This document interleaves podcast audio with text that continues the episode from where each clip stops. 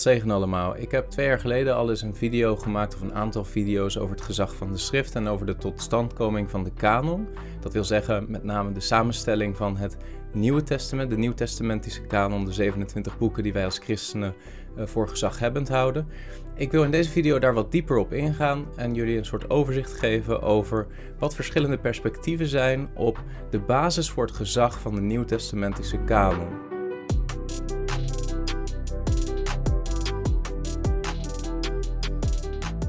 Hoe komt het nou eigenlijk dat wij als christenen precies die 27 boeken van het Nieuwe Testament voor gezaghebbend houden, maar andere vroeg-christelijke geschriften zoals de brief van Barnabas of uh, de herder van Hermas, die ook best wel populair waren in de vroege kerk, uh, niet rekenen tot de kanon van het Nieuwe Testament? En wat is precies de basis voor waarom sommige boeken tot die kanon behoren en sommige niet, voor canoniciteit, zoals ze dat noemen. Nou, daar gaan we over nadenken. Een boek wat ik van harte aanbeveel over dit onderwerp is het boek Canon Revisited van Dr. Michael Kruger.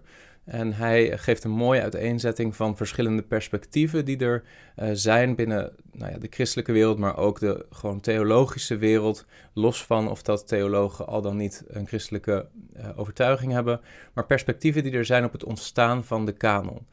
Um, ik ga in deze video een soort stukje van dat boek met jullie doornemen en dan met name het stukje modellen rondom het gezag van de kanon. Waarom geloven mensen dat de kanon gezaghebbend uh, is? En ik heb in een video van twee jaar geleden al eens uitgelegd dat je definitie van kanon heel belangrijk is. Nou, kanon is een woord wat betekent standaard in feite, of maatstaf, maar het is in de christelijke wereld komen te betekenen en ook wel buiten de christelijke wereld uh, een gezaghebbende verzameling van uh, boeken van een bepaald soort.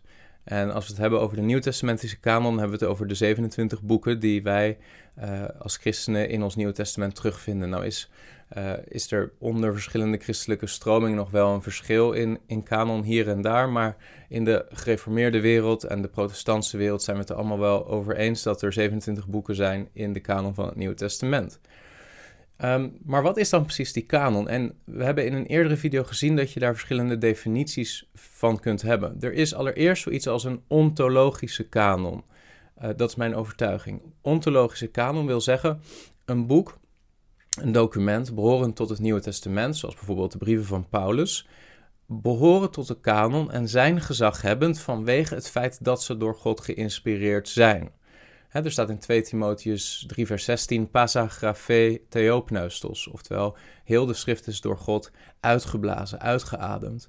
En wanneer je het hebt over ontologische kanon, en, en dit is natuurlijk al een perspectief wat uitgaat van je geloof in God en zijn woord, maar goed, daar, daar begin ik als christen. wanneer je het hebt over ontologische kanon, dan zeg je eigenlijk een document is gezaghebbend vanwege dat wat het document is, dat wat het bevat, namelijk de adem van God. Wanneer Paulus een brief schreef, wanneer Matthäus zijn evangelie opschreef, dan, dan werkte God daardoorheen en inspireerde hij de schrift die geschreven werd door Matthäus of door de brief die geschreven werd door Paulus. En omdat God een aantal documenten in de eerste eeuw heeft geïnspireerd, maar niet alle documenten in heel de wereld geïnspireerd zijn, ontstaat er automatisch een schifting tussen dat wat kanon is, dat wat door God uitgeademd is, en dat, dat wat niet kanon is, dat wat niet door God uitgeademd is. De ontologische kanon is dan niet een soort buitenbijbelse maatstaf die door de kerk wordt opgelegd aan de schrift of aan een aantal documenten, maar de kanon ontstaat als een artefact. Is eigenlijk een soort ja, een automatisch verschijnsel vanwege het feit dat God een aantal boeken heeft geïnspireerd. En wij geloven dat zijn de 27 boeken van het Nieuwe Testament, maar een aantal boeken uh, niet geïnspireerd zijn, misschien wel nuttig zijn, misschien wel populair waren, zelfs onder christenen, omdat het stichtende documenten waren, maar niet door God uitgeademd. En dat, dat noem je de ontologische kanon. Uh, de ontologische kanon is natuurlijk eigenlijk in de eerste eeuw al voltooid met het schrijven van het laatste document behorend tot die 27 documenten van het Nieuwe Testament. En dan, als je dan de vraag stelt wanneer is de kanon precies vastgesteld, ja, dan als je het hebt over de ontologische kanon, is dat in de eerste eeuw met het laatste document van het Nieuwe Testament wat dan geschreven wordt. Maar een ander perspectief op de kanon is niet uh, de ontologische kanon, maar de functionele kanon. En dan ga je het meer hebben over um, hoe werkten die documenten van het Nieuwe Testament in de eerste gemeente, in de gemeente van de eerste 200, 300 jaar. En dan zie je dat al de vroege kerkvaderen, uh, net zoals dat ze de oud-testamentische geschriften citeren, dat ze de nieuw-testamentische documenten, bijvoorbeeld zeer sterk de vier evangeliën van Matthäus, Marcus, Lucas en Johannes, dat ze die citeren en dat ze daarin de woorden, de gezaghebbende woorden van onze Heer Jezus Christus uh, terugvinden. Nou, we hebben nu, het doel van deze video is niet om al die uh, citaten van vroege kerkvaderen langs te gaan om te zien op welke manier zij omgingen met bijvoorbeeld de brieven van Paulus um, of de, de algemene uh, brieven of de evangeliën. dat voert voor nu te ver.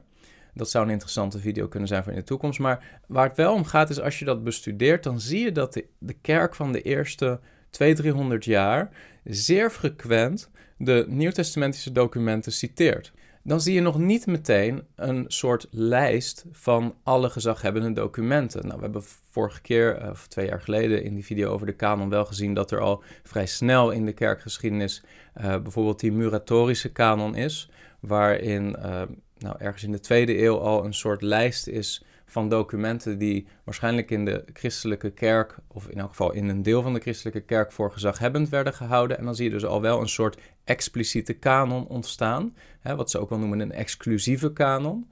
Maar in de eerste 300 jaar van het christendom is er nog niet een zeer duidelijke lijst van 27 documenten waarbij gezegd wordt: dit zijn de documenten van de kanon en verder um, is er niks geïnspireerd. Maar impliciet wordt wel op een functionele manier wordt, worden de geschriften van bijvoorbeeld Paulus steeds geciteerd door kerkvaderen. En daar kun je uit afleiden dat die kerkvaderen die geschriften wel degelijk voor gezaghebbend hielden. En dan heb je dus over een functionele kanon. Die documenten die werkten al, die vier evangeliën, die brieven van Paulus, um, die werkten al in de vroege gemeente als gezaghebbende documenten die leiding gaven, die richting gaven aan lokale gemeenten. Maar niet elke lokale gemeente had precies dezelfde documenten. We hebben een christelijke kerk die ontstaat in Noord-Afrika, we hebben uh, gebieden rondom Israël, we hebben uh, Klein-Azië, we hebben Griekenland, we hebben Italië.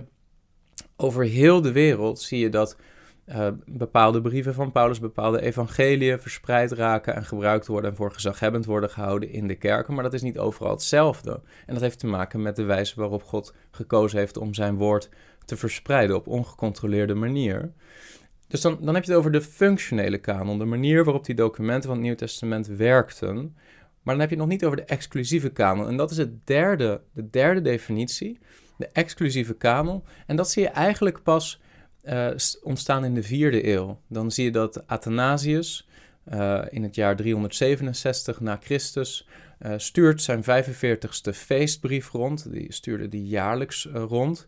Um, en, en Athanasius die beschrijft in die brief eigenlijk voor het eerst een lijst met documenten die in de kerken voor gezaghebbend moeten worden gehouden. En daar staan precies die 27 documenten van ons hedendaags Nieuwe Testament in. En dat noem je de exclusieve kanon. Dus wanneer iemand aan je vraagt wanneer is de kanon van het Nieuwe Testament voltooid, dan moet je hem eigenlijk vragen over welke kanon heb je het. Heb je het over de ontologische kanon? Dan is het antwoord meteen met het voltooien van het laatste document van het Nieuwe Testament. Heb je het over de functionele kanon?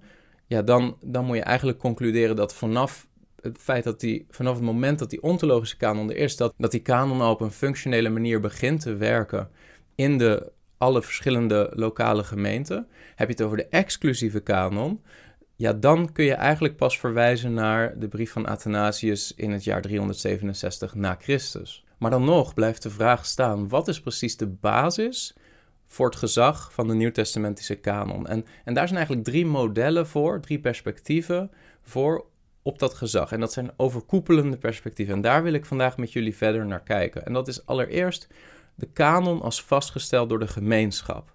En dat is eigenlijk een overkoepelend perspectief wat zegt: het gezag van de Nieuwtestamentische kanon ligt in de reactie van de gemeenschap op die Nieuwtestamentische documenten. Het heeft te maken met de kerk of het individu, maar in elk geval de mens of een groep mensen en hoe zij reageerden op die Nieuwtestamentische documenten. Dat is het eerste perspectief. De kanon, eh, het gezag van de kanon ligt in de gemeenschap en de reactie van de gemeenschap daarop, de vaststelling van de kanon door de gemeenschap.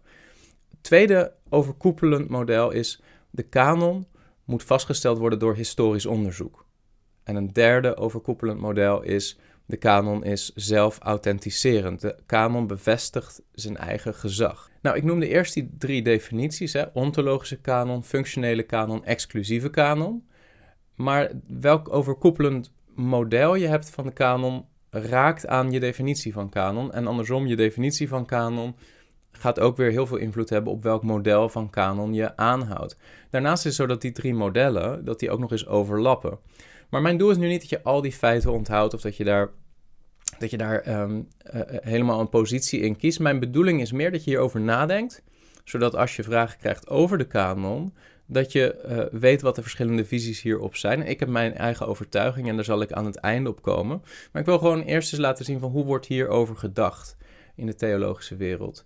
Nou, we beginnen even bij de kanon zoals vastgesteld door de gemeenschap. En dat is een perspectief wat eigenlijk zegt: de kanon is gebaseerd op het gezag van de kerk om de kanon te definiëren. En dat is, dat is natuurlijk een perspectief wat wordt aangehouden ook door de Rooms-Katholieke Kerk.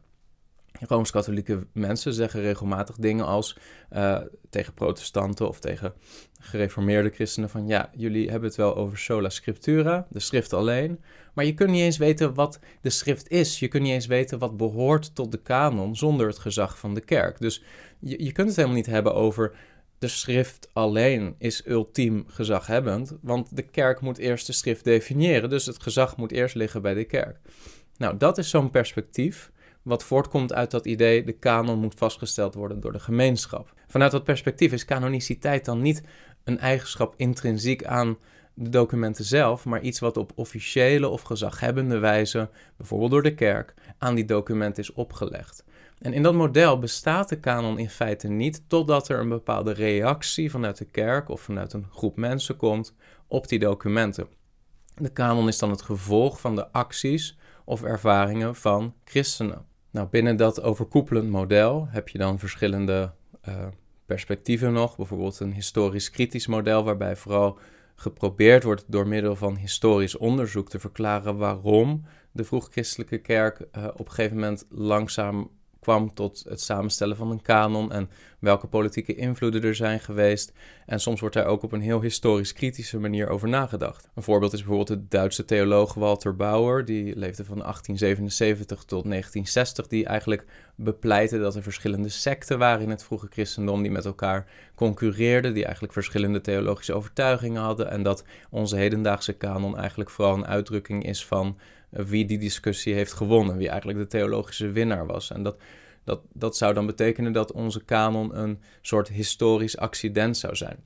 Maar dat is natuurlijk eigenlijk een heel menselijke manier van kijken naar de kanon. Dat, dat is niet een, een christelijk gelovig perspectief op de kanon. En dat is ook een perspectief wat veel meer uitgaat van die functionele definitie van de kanon dan van die ontologische definitie van de kanon. En dan kun je ook helemaal niet de vraag stellen welke boeken zouden er in de kanon moeten zitten. Maar vanuit die historisch-kritische uh, visie op de kanon is veel eerder de vraag welke boeken zitten er in de kanon. Want die vraag welke zouden erin moeten zitten is niet beantwoordbaar, omdat er in dat perspectief helemaal niet zoiets is als een ontologische kanon. Dus dat is een heel uh, liberaal theologisch perspectief op kanon, heel menselijk, heel naturalistisch, maar heeft weinig van doen met eh, een christelijk gelovig perspectief.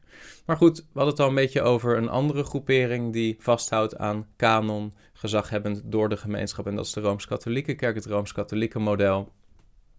En uh, ja, Rooms-Katholieken hebben een drievoudig gezag. Die geloven niet alleen in sola scriptura, maar geloven, zo zeggen zij, en zo staat ook vastgelegd in hun geloofsovertuigingen.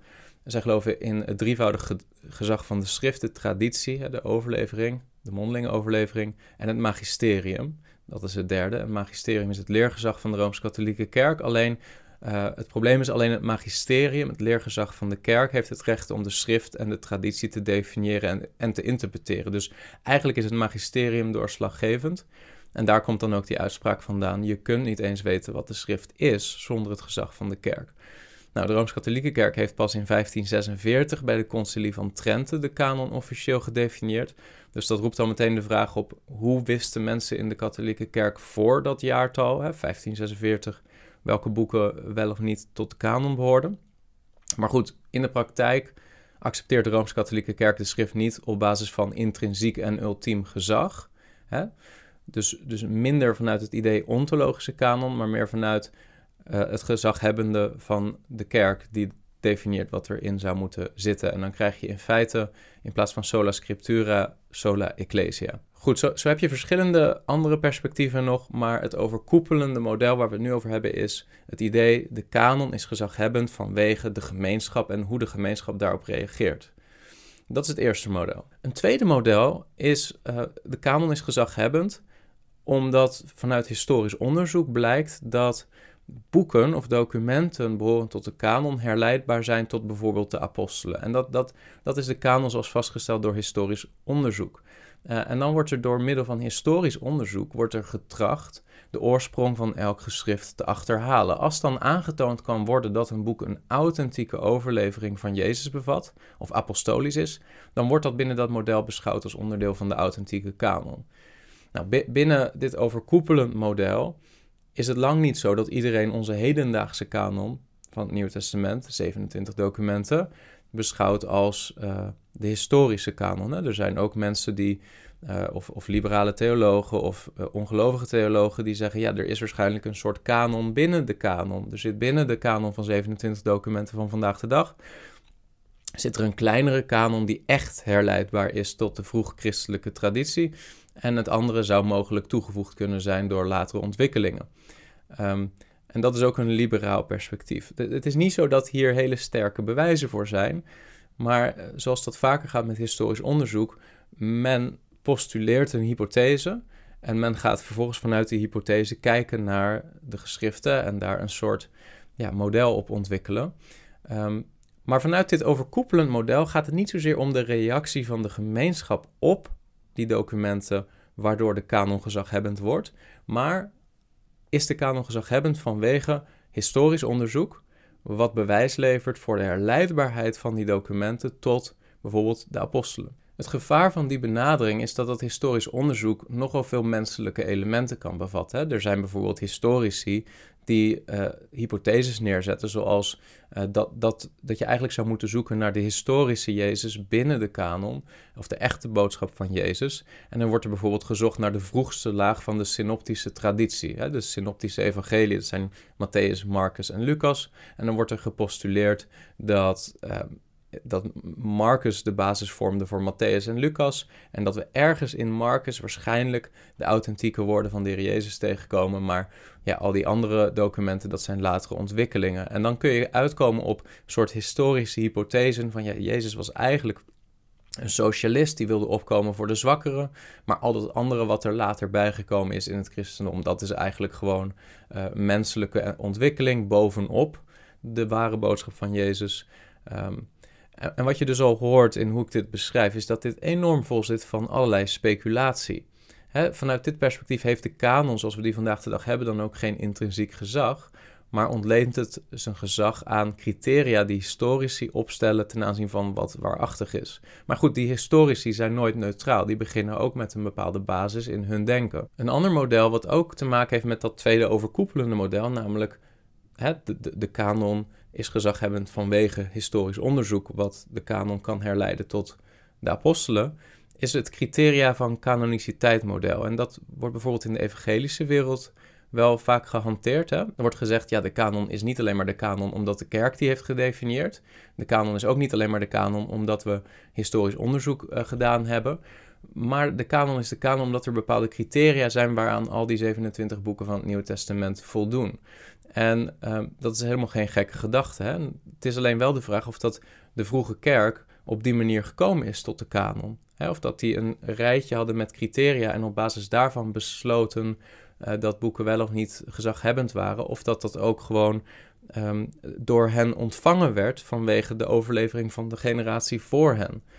Dus, maar goed, wat zouden die criteria precies moeten zijn? En dan wordt er vaak gezegd, nou, eh, criteria van canoniciteit zijn apostoliciteit. Hè, dus dat een document moet opgesteld zijn door een apostel of door een directe medewerker van een apostel. In elk geval in een periode waarin een apostel nog dat proces gesuperviseerd zou kunnen hebben. Een tweede uh, criterium is vaak orthodoxie. Dus een document moet wel stroken met de leer van de apostelen. En Ten derde, uh, een derde criterium wat kan worden gebruikt is de wijze waarop een document gebruikt werd in de vroege gemeente, hoeveel invloed heeft het, nou, et cetera, et cetera. Uiteindelijk kom je dan toch wel weer terug bij, uh, ook met die criteria, bij historisch onderzoek als gezagsbron voor de definitie van de kanon. er blijft toch een zeker extern gezag buiten de documenten van de kanon nodig om het gezag van de kanon te valideren, te onderbouwen. En die historische data kun je niet zo makkelijk zonder vooroordelen interpreteren. En dan wordt de volgende vraag: oké, stel dat er nou nieuw historisch onderzoek gedaan wordt en dan blijkt dat de vroege kerk een vergissing heeft gemaakt. Bijvoorbeeld als je zou kunnen aantonen uh, dat, dat 1 Petrus en 2 Petrus, die twee brieven, te veel stijlverschillen hebben, uh, waardoor je 2 Petrus eigenlijk niet langer kan zien als geschreven door Petrus. Zou dat dan betekenen dat je die uit de kanon moet gooien, omdat je nieuwe historische inzichten hebt uh, op grond waarvan je zo'n zaak kunt bepleiten? Uh, dat is vanuit dat perspectief wel lastig om dat tegen te spreken. Op het moment dat je het gezag van de geschriften ergens legt buiten de geschriften zelf. Als je dat gezag legt in um, historisch onderzoek en evidentie. En dat brengt ons eigenlijk bij een derde model. En dat is het model wat Michael Kruger bepleit. En ik geloof daar zelf heel sterk in. Dat dat het Bijbelse model is, dat dat de waarheid is. En dat is de kanon als zelf-authenticerend. De kanon die zijn ultieme gezag heeft in de kanon zelf. Uh, niet in iets buiten de kanon, niet in de reactie van de kerk, niet in de uh, reactie van uh, nou, ons vandaag de dag door middel van historisch onderzoek, niet een externe bewijslast, maar het ultieme gezag van de kanon, van het Nieuwe Testament, ligt in de kanon zelf. De kanon authenticeert, valideert, bekrachtigt zijn eigen gezag. En dat is een perspectief wat, wat eigenlijk heel uh, bijbels en ook logisch is. Want uh, God is zelf de basis voor de geschriften die hij heeft uitgeademd. En er staat ook in Hebreeën 6, vers 13. Want toen God Abraham de belofte deed, zwoer hij bij zichzelf, omdat hij bij niemand die hoger was kon zweren.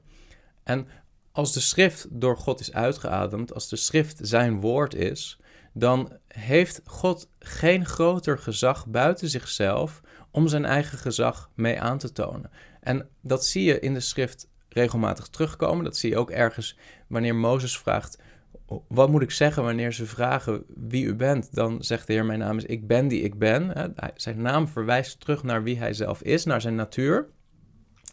Um, en dat klinkt ergens als een soort cirkelredenering, maar dat is met ultiem gezag eigenlijk altijd zo. Op het moment dat God naar iets buiten zichzelf zou moeten wijzen om zijn gezag mee te valideren, dan zou datgene waarnaar hij wijst meer gezaghebbend zijn dan hij zelf. En, en wij zeggen in feite als christenen: God is het ultieme gezag op grond waarvan alle andere dingen bevestigd en bekrachtigd moeten worden, waar alle andere dingen op gebaseerd zijn. Maar datzelfde geldt dus in feite ook voor zijn woord. Zijn woord deelt daarin de eigenschappen van zijn eigen natuur. Um, dus dat betekent dat zijn woord gezaghebbend is, maar niet alleen gezaghebbend, het is het ultieme gezag. En dat betekent het woord is zelf authenticerend, bekrachtigt zijn eigen gezag. En dat is het perspectief van bijvoorbeeld Johannes Calvijn altijd al geweest. Hè? Eh, Johannes Calvijn zei: God alleen is een geschikte getuige van zichzelf in zijn woord.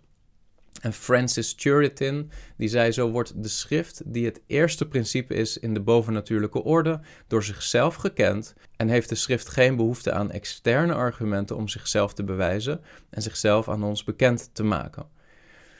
Nou, dat de schrift zelf authenticerend is en dat de kanon zelf authenticerend is, betekent niet simpelweg dat de schrift gezaghebbend is omdat de schrift beweert het woord van God te zijn. Hoewel dat wel belangrijk is. Hè? Je, kan, je kan een willekeurig boek pakken en op het moment dat dat boek helemaal niet claimt het woord van God te zijn, dan, ja, dan is het niet het woord van God. Hè? Dan hoef je daar niet van uit te gaan. Maar de schrift claimt wel degelijk het woord van God te zijn. Maar de positie dat de kanon zelf authenticerend is, betekent niet simpelweg dat je gelooft dat de schrift de schrift is omdat de schrift zegt de schrift te zijn, maar het betekent dat de schrift zelf de noodzakelijke richting geeft om te begrijpen hoe de schrift geauthenticeerd zou kunnen worden. Met andere woorden, als we ons afvragen hoe kunnen wij weten wat kanon is, dan moeten we naar de kanon kijken om ons te vertellen hoe we dat moeten weten. De kanon en Gods woord is dan ons ultiem epistemologisch gezag, ook in de manier waarop we de kanon definiëren. Nou, als de kanon Gods woord is, hè, als de documenten van de kanon het woord van God zijn, eh, dan, dan betekent dat dat de kanon uniek is in de zin dat de kanon niet slechts waar is, maar het criterium voor waarheid. En, en hoe kun je dan bewijzen dat dat ultieme gezag daadwerkelijk het ultieme gezag is? Je kunt eigenlijk niet ontsnappen aan een zekere epistemische circulariteit als het gaat om die fundamentele bronnen van geloof. Dus je moet de schrift toepassen op de vraag welke boeken zouden moeten thuishoren in de schrift. En als je dan naar de schrift gaat, bijvoorbeeld naar Johannes 10, vers 27, daar vind je een heel belangrijk vers. En dat is dit: dat de Heer Jezus zegt: Mijn schapen horen mijn stem en ik ken ze en ze volgen mij. Mijn schapen horen mijn stem en ik ken ze en ze volgen mij. En 2 Timotheus 3 vers 16, daar zegt Paulus nogmaals, heel de schrift is door God ingegeven, staat in de herziene statenvertaling. Je kan net zo goed vertalen als heel de schrift is door God uitgeblazen of uitgeademd, hè? passa graphe theopneustos, en is nuttig om daarmee te onderwijzen, te weerleggen, te verbeteren en op te voeden in de rechtvaardigheid. Nou, die twee versen gaan primair uit van de ontologische kanon. Van de kanon als gezaghebbend vanwege dat wat de kanon is, namelijk het door God uitgeademd woord van God. Maar wanneer je op zo'n manier eigenlijk de schrift gaat bestuderen om de vraag te beantwoorden hoe zou ik moeten weten wat schrift is, dan kom je tot een nieuw model. En dat is de kanon als zelfauthenticerend. En dan ontdek je dat er drie componenten zijn waar de schrift op, ons op wijst, die ons richting geven op een antwoord op die vraag. En dat is allereerst providentiële blootstelling. Ten tweede, de schrift geeft ons attributen van canoniciteit. En ten derde, het innerlijk getuigenis van de Heilige Geest. Nou, in een volgende video wil ik dat kanon als zelfauthenticerend model wil ik wat verder uitleggen en ook onderbouwen met meer bijbelteksten. Maar toch nog eventjes hierbij stil te staan dat je vast een idee hebt van waar gaat dit over? Allereerst providentiële blootstelling. En als de Heer Jezus zegt, mijn schapen horen mijn stem, en hij heeft het dan over de gemeente die zijn, zijn woord zal horen, zal ontvangen, als collectief, hè, mijn schapen. Het is niet mijn schaap, het is niet één schaap, nee. De Heer Jezus zegt, mijn schapen, en heeft hij het over al zijn schapen, horen mijn stem. En wat dat zegt is dat wanneer God spreekt, dan zorgt hij ervoor dat zijn, zijn doelgroep, zijn schapen, zijn gemeente, blootgesteld zal worden aan datgene wat God wil dat zij horen, namelijk zijn woord.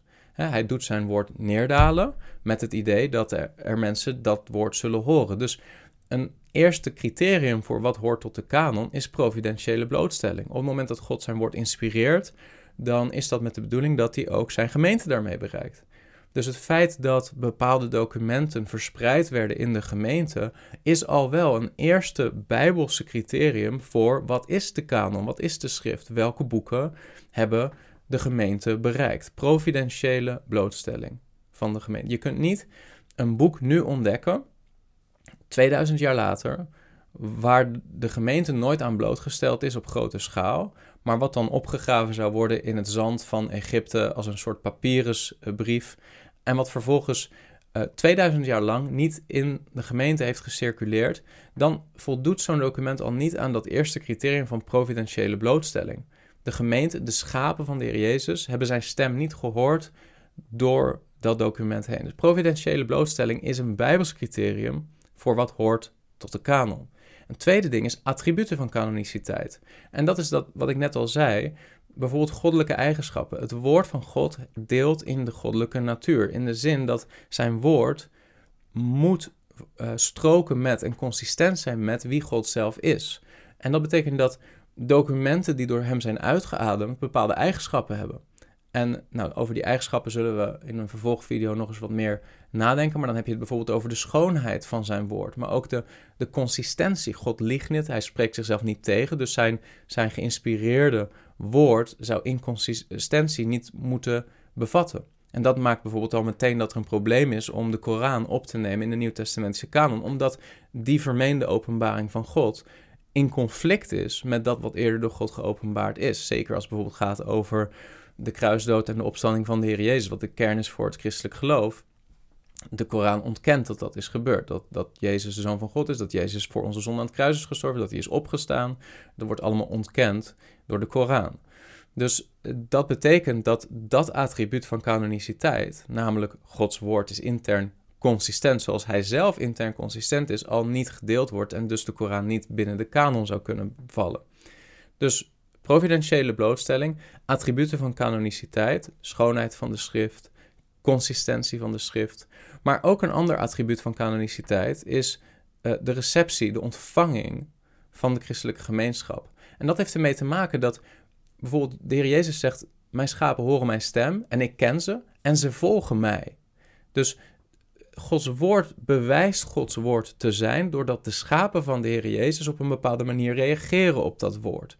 Dus dat betekent niet dat die reactie het gezag van de kanon bepaalt, maar wel dat of dat een document tot de kanon behoort, zo is, hè, te maken heeft met de eigenschap van dat document om een bepaalde reactie bij de schapen van de Heer Jezus op te wekken. Nou, dat klinkt misschien ingewikkeld, maar dit is wel bijbels, want de Heer Jezus zegt, mijn schapen horen mijn stem en ik ken ze en ze volgen mij. Dat is de reactie van de schapen op de stem van de Heer, ook in die door God uitgeademde woorden.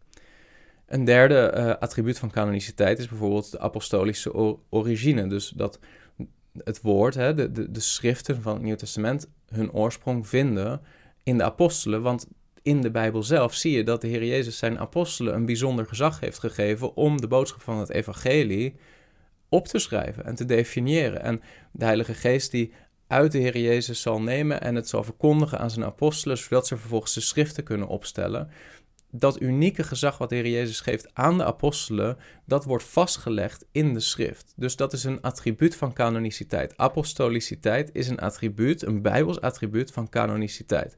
En dan komen we tot een derde component van de schrift als zelfauthenticerend en dat is het innerlijk getuigenis van de Heilige Geest. Dat de Bijbel aangeeft dat ehm, er een testimonium is van binnen, een reactie in de en dat is niet op een individueel niveau alleen, maar in de gemeente als collectief is er een reactie op het waarachtig woord van God. Ehm, en dat is dus zowel een attribuut van de schrift, maar het is ook iets wat gebeurt buiten de schrift in de zin van de Heilige Geest die een getuigenis geeft in het hart van de kerk. Dus nogmaals, welke drie componenten zijn er in dat model van de kanon als zelfauthenticerend providentiële blootstelling? Ten tweede attributen van canoniciteit. En ten derde het innerlijk getuigenis van de Heilige Geest. En dan zou je misschien zeggen van ja, maar dit overlapt toch wel een beetje met wat je eerder hebt gezegd. Het overlapt wel degelijk, maar het verschil is, wat is nou het ultieme gezag? Wat is het ultieme gezag wat bepaalt waarom die 27 boeken behoren tot de Nieuw-Testamentische kanon? En ligt dat gezag in de gemeente, en de reactie van de gemeente, ligt dat gezag in historische gegevens of, en dat is wat ik geloof en wat Michael Kruger bepleit in zijn boek, ligt dat gezag intrinsiek in de natuur van het woord van God zelf. En dat laatste is het juiste antwoord. En dan moeten we ons af gaan vragen, en daar zullen we in de volgende video naar kijken, wat zegt Gods woord precies over hoe wij Gods woord als zodanig zouden moeten herkennen? Nou, misschien wat ingewikkeld, maar in elk geval goed om hier eens over na te denken. Want de volgende keer als je de vraag krijgt, Wanneer is de kanon precies vastgelegd? Dan zou je eerste reactie moeten zijn: wat bedoel je precies? De ontologische kanon, functionele kanon of exclusieve kanon? En ten tweede, de kanon is de kanon niet op grond van de gemeente en de reactie van de gemeente, zoals de Rooms-Katholieke Kerk beweert, niet op grond van historische gegevens die maken dat we bepaalde documenten kunnen herleiden tot de apostelen, maar op grond van het feit dat de schrift de woorden, de uitgeademde woorden van God bevat. Ik hoop dat je hier wat aan hebt. God zegen. Heb je iets gehad aan deze video? Druk dan op like en wil je vaker dit soort apologetische video's kijken? Abonneer dan op dit kanaal